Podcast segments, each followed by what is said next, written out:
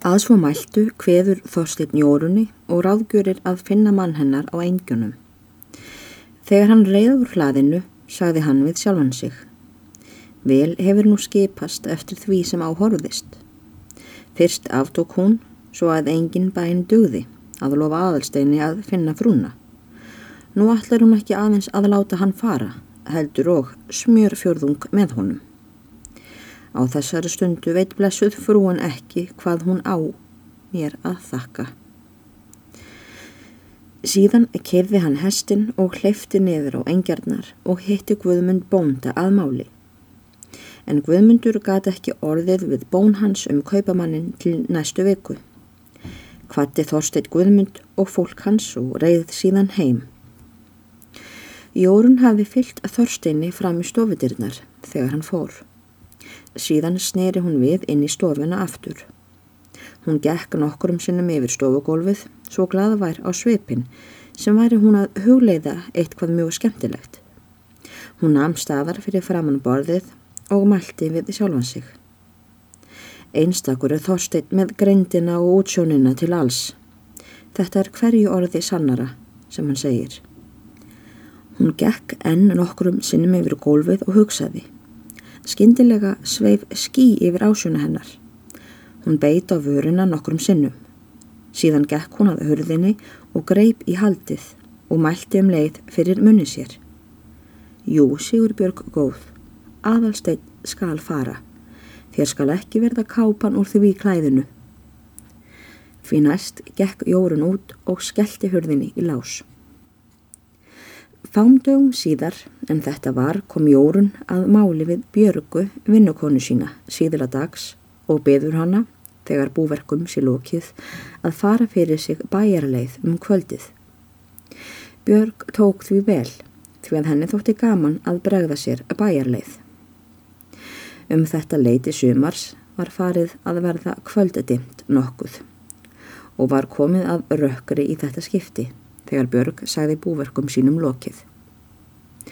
Hún tók síðan eitt af heimarhossunum, er öll voru á túninu, kaus sér rauða meri sem Guðmundur átti og Björgu hafði reynst mæta vel í samirreið til kirkjunar og teimdi hún þessa meri heim á hlaðið.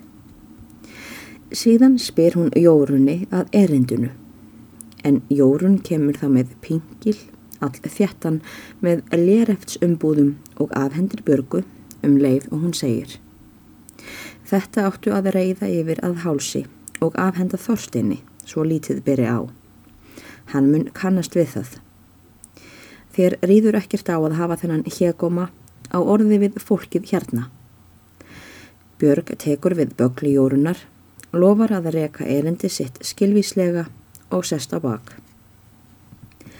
En sem Björg ætlar að taka sprettin út úr tröðunum á fossi, vill svo óheipilega til að hrossið Björgar, hún rauðka, gengur dálítið aftur á bak en ekkert áfram. Björg kann ekki við þetta, gerir það sem margur myndi gjört hafa í hannar spórum að hún slægir í rissuna. En rissan tekur það ekki svo að hún eigi að ganga áfram. Þegar hún er orðin leið á að ganga aftur á bak, tekur hún að standa graf kyrr. Björgu þykir þetta nokkur sigur að rauðka er þó hægt að ganga aftur á bak og slæðir nú döglega í rossið. En rauðka hreyfir sig ekki að öðru leiti en því að hún liftir upp höfðinu og dinglar taklinu við hvert högg. En úr spórunum fer hún ekki. Hún sínist ekki hafa list á því að ferðast á aðra bæi með Björgu í þetta skipti og það gildir einu hvort heldur Björg lemur hana meir eða minna, hvort heldur hún blessar eða bölvar. Rauðka þólir það allt með stakasta jafnaðar gefi og verðist hugleiða bóðorðið, en svo segir, þótt ekki að hlaupa undan hyrtingunni. Loks kemur þar að Björgu leiðist þóf þetta. Eftir hún hefur bannsungið rauðku góða skorpu fer hún af baki og hyggst að ná sér í annan reyðskjóta. Þetta hefnast og Björg sækir sér annað hross út á túnið en sleppir vondu meirinni. Og nú velur hún ekki af verri endanum. tekur sjálfan reyðhest húsbóndans, er óðin hétt, jarpur að lit og sest á bak með pingilinn fyrir framann sig. Gengur nú allt betur en áður. En staða röðka hefur eitt tímanum fyrir björgu, því að nú er all mjög tekið að dimma. En það verður henni að því því að þegar hún kemur góðan kipp niður fyrir túnið á fossi, þá fer öðruvísi en ætlað var. Hún mætir Guðmundi bónda og öllu fólkinu sem þá er á leiðinni heim af eingjónum. Guðmundur verður forviða þegar hann sér vinnukonu sína þar á ferð um þann tíma. Meir forviða þegar hann tekur eftir óðunni og mest forviða þegar hann sér nöttóta pingilinn og kennir smurþefin úr keltu bjargar. Hvað ertu að fara stúlka? Hver sendir þig? segir Guðmundur í undrun sinni. Húsmóðurinn, held ég, svarar Björg dræmt. Heldurðu, segir Guðmundur. Nei, ég held það ekki, ég veit það upp á víst.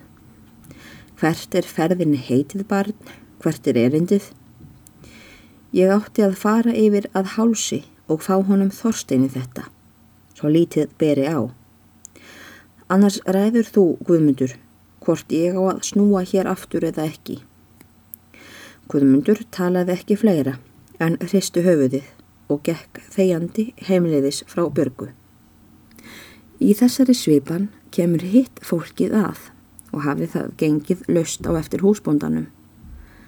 Æ, æ, hamingunni sér lof, segir röddein í hópnum. Ég trúi það hilli það þarna undir blessað höfuðið á brúðarefninu mínu og stendur nú að mér sínist sinn lokkurinn út í hverja áttina. Það veit á lokn og blíðviðri spái ég. Má ég byggja þig að þeia ef þú tekur það ekki ofbóð mikið næri þér? Var hefð gagnorða og stittilega svar bjargar. Æ nei, því á ég að þeia núna ljúfan mín og blessuð dúfan og er nú að reyða krakkan okkar til skýrnar Sá er ekki mösul beina. Hvað er að þarna? Ég get ekki krist neinstadar til rifja á blessuðum unganum, segir Gísli um leið og hann þuklar böggulinn hjá Björgu. Farðu burt frá hestinum, íll kvelið þitt. Ég á ekkert vantalað við þig, segir Björg og keiri nú hestin og fer leið sína. Ælátt og hann heita Berg Gísla í höfuðið á okkur báðum kallar gísli á eftir vinkonu sinni og var það seinasta orðið sem hún heyrði til hans í það sinn.